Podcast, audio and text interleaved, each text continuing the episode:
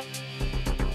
Տավուշ Թովոզյան ուղությամբ հայ-ադրբեջանական հուլիսյան դիրքային մարտերից հետո Ադրբեջանում ամենաբարձր մակարդակով քննադատում են Ռուսաստանին։ Դեռ օգոստոսի 12-ին Իլհամ Ալիևը Վլադիմիր Պուտինի հետ հեռախոսազրույցի ընթացքում ասել էր, թե անհանգստացած են Հայաստան կատարած ռազմական մատակարարումներով։ Թեպետ Բաքվում Ռուսաստանի պաշտպանության նախարար Սերգեյ Շոյգուն հայտարարել է, որ դա ուղղված չէ Ադրբեջանի դեմ, դա զենք ու զինամթերք չէ եւ ոչ էլ Հայաստանին է տրվում, այլ Հայաստանում տեղակայված ռուսական 102-րդ ռազմաբազայի կարիքների, մասնավորապես մասնավորապես այնտեղ որոշ օբյեկտների շինարարության համար է, սակայն այս հայտարարությունները չեն գոհացնում կամ հավատ չեն նշնչում Ադրբեջանի ղեկավարությանը։ Ակտիվ մարտերը դադարեցրին հուլիսի 16-ին եւ հուլիսի 17-ից սկսած մինչեւ 3 Ռուսաստանը Կասպից ծովի օթային ճանապարհով դեպի Հայաստան ծանր բեռներ է տեղափոխել։ Մենք այս հարցը բարձրացրել ենք նաեւ ռուս գործընկերների առաջ, որ Հայաստանի հետ ռազմական համագործակցությունը մեզ անհանգստացնում է։ Այն Ադրբեջանի համար մեծ սպառնալիք է ներկայացնում, որովհետև այդ զենքը գործի դնելով սպանում են մեր զինվորներին ու քաղաքացիներին քաղաքացիական բնակչությանը սեպտեմբերի 3-ին հայտարարել է Ադրբեջանի նախագահ Իլհամ Ալիևը։ Նրա հայտարարությունից հետո հայտնի դարձավ նաև, որ Ադրբեջանը չի մասնակցելու Ռուսաստանում կազմակերպվող Կովկաս 2020 զորավարժություններին։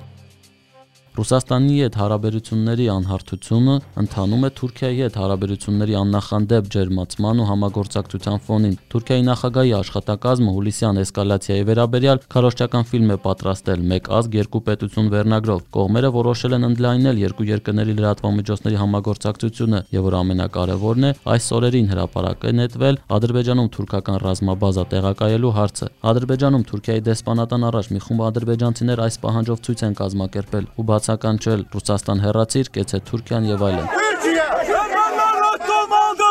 Թուրքիա! Ռուսաստան,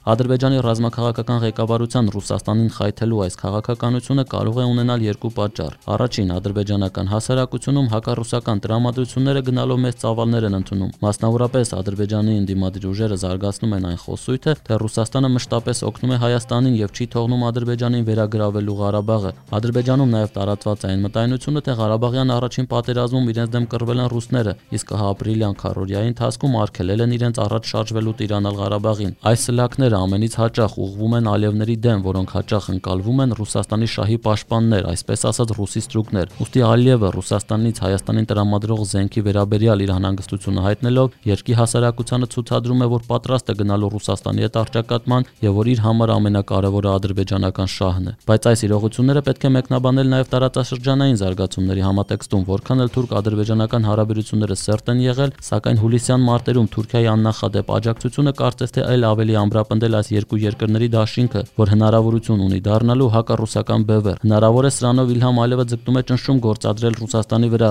որ Մոսկվան էլ համոզի Հայաստանի ղեկավարությանը զիջումների գնալ Ղարաբաղի հարցում։ Իր հերթին Ռուսաստանը խիստ դժգոհ է, որ Թուրքիան գրեթե նվազագույնի է հասցրել Ռուսաստանից գազի մատակարարումը, փոխարենը գազ է ստանում Ադրբեջանից կամ այլ ճանապարհներով դիվերսիֆիկացնում այն։ Այս պատճառով է, որ Ադրբեջանում ու Թուրքիայում հուլիսյան հակամարտությունը ներկայացնում են այնպես, թե իբր Ռուսաստանը Հայաստանի միջոցով ցանկանում է թիրախավորել Թովուզով անցնող գազա տարը։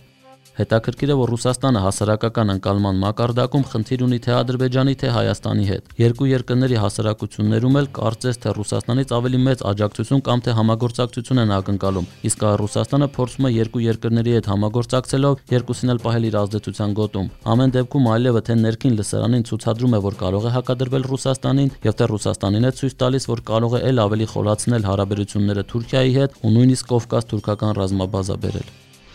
Բաքվի Նիզամի շրջանի դատարանը խուլիգանության մեղադրանքով 4 տարի 3 ամիս ազատազրկման է դատապարտել ընդդիմադիր Մուսավատ կուսակցության հայտնի գործիչներից Թոֆիկ Յագուբլուին։ Ընդդիմադիրները համոզված են, որ նրա ձերբակալությունը քաղաքական պատվեր է, քանի որ վերջինս Ալիևների դինաստիայի հայտնի քննադատներից է։ Դրան գումարվում է նաև այն հանգամանքը, որ Թոֆիկը Ղարաբաղյան պատերազմի մասնակից է, կարծես թե ունի համեստ մարդու համբավ, ինչը մեծացնում է դժգոհությունը, առաջացնելով խոսույթ, թե պատերազմի մարտիկներին ու իսկական նվիրյալներին դավաճան Ալիևները ձերբակալում են։